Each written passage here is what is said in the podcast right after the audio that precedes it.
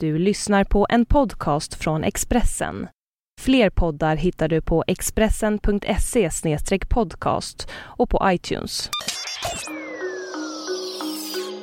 Han var en röd soldat som kämpade mot USA, fattigdom och cancer. Du lyssnar på Expressen Dokument, ett eh, fördjupningsreportage varje dag med mig, Johan Bengtsson, som idag läser Arne Lapidus text om Hugo Chavez död, Venezuelas president. För Venezuelas folk var Hugo Chavez den store hjälten, men hans val av vänner var inte alltid det bästa. Anhängarna kallade honom kommendanten, men själv såg Hugo Chavez sig som en enkel soldat i kampen mot socialismen och mot USAs dominans.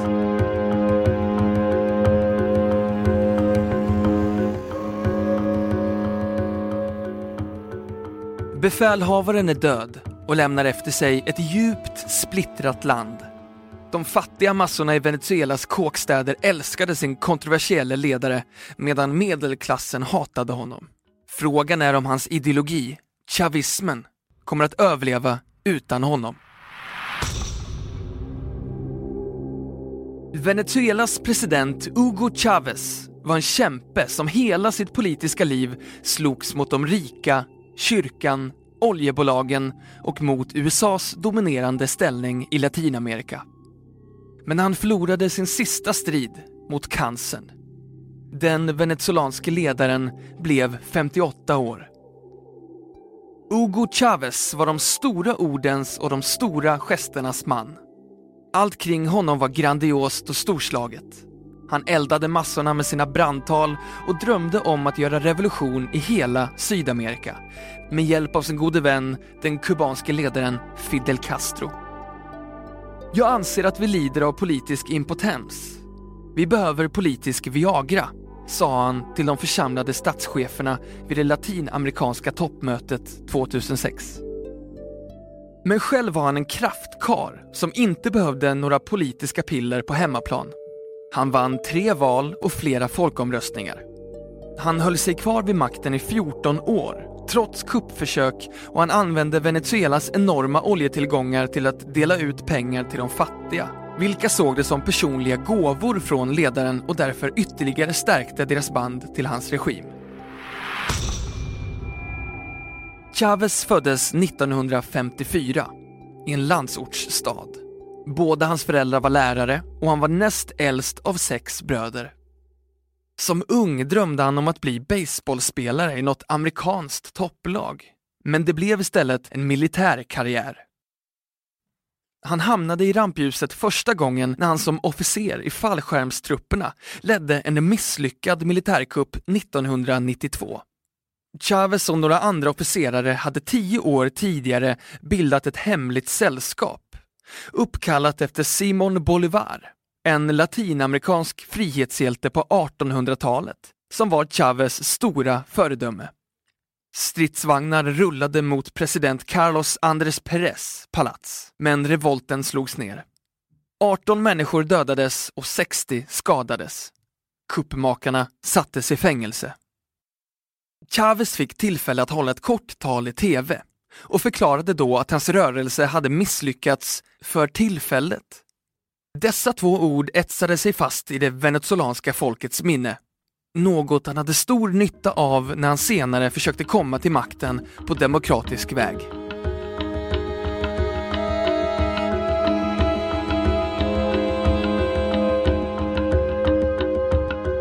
Expressen Dokument, en podcast från Expressen.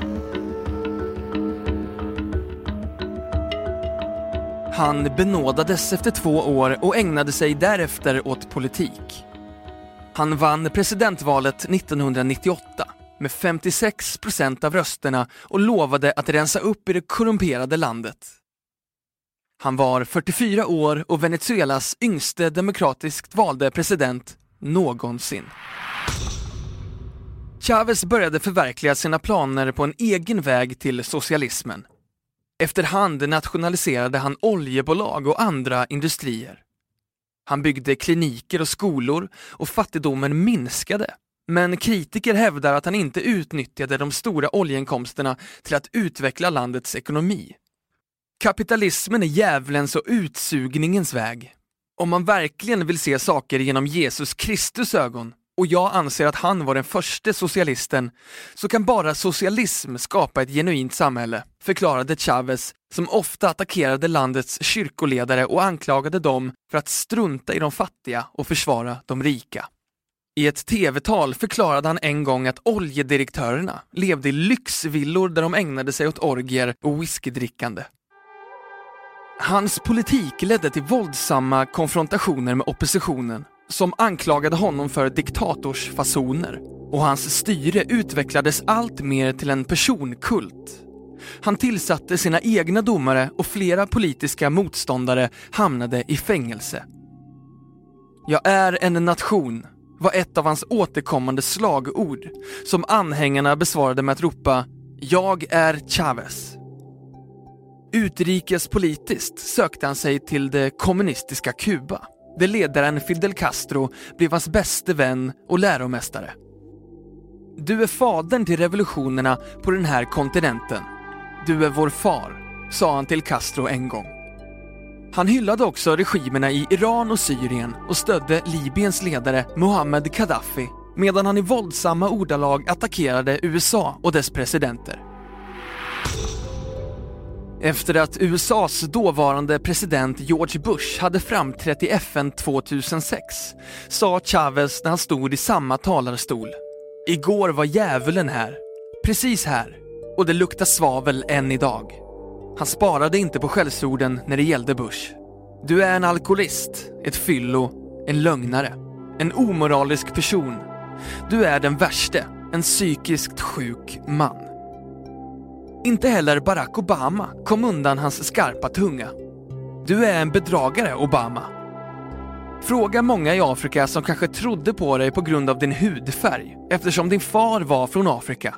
Du är en afroättling, men du är en skam för alla dessa människor, sa Chavez om den nuvarande USA-presidenten 2011. Chávez många utfall på ett toppmöte fick en gång Spaniens kung Juan Carlos att utbrista “Varför håller du inte käften?” Alliansen mellan Venezuela och Kuba är så intim att Castro och Chavez brukade tala om att länderna smält samman till ett Venecuba med socialistiska förtecken. Venezuela skickar olja till Kuba medan kubanerna skickar experter och rådgivare till nytta för åtminstone de båda regimerna. Frågan om vem som drar mest nytta är mycket kontroversiell.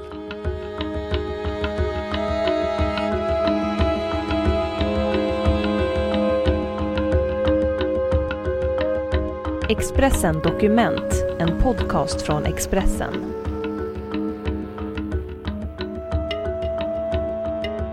Venezuela skickar miljarder dollar till Kuba, bland annat i form av mer än 150 000 fat olja varje dag till mycket förmånliga priser.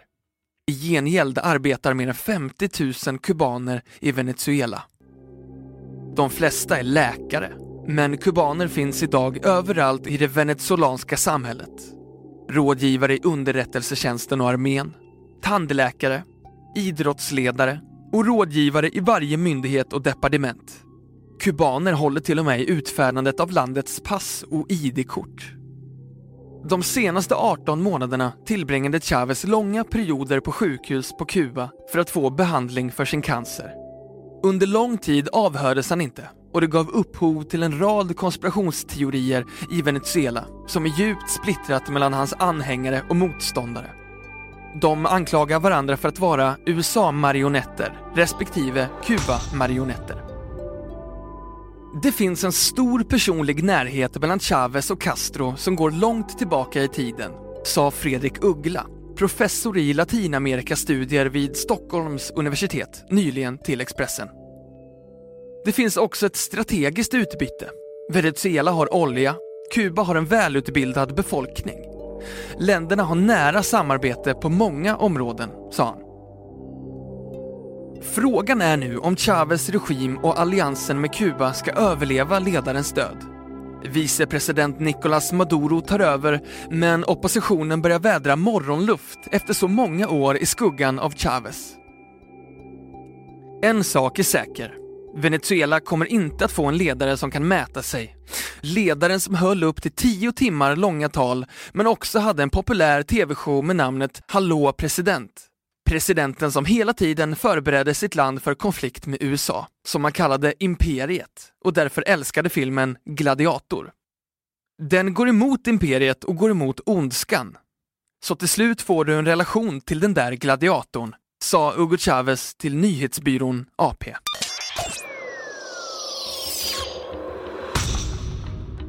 Du har hört Expressen Dokument, ett fördjupningsreportage av Arne Lapidus om Venezuelas president Hugo Chavez död, som jag, Johan Bengtsson, har läst upp.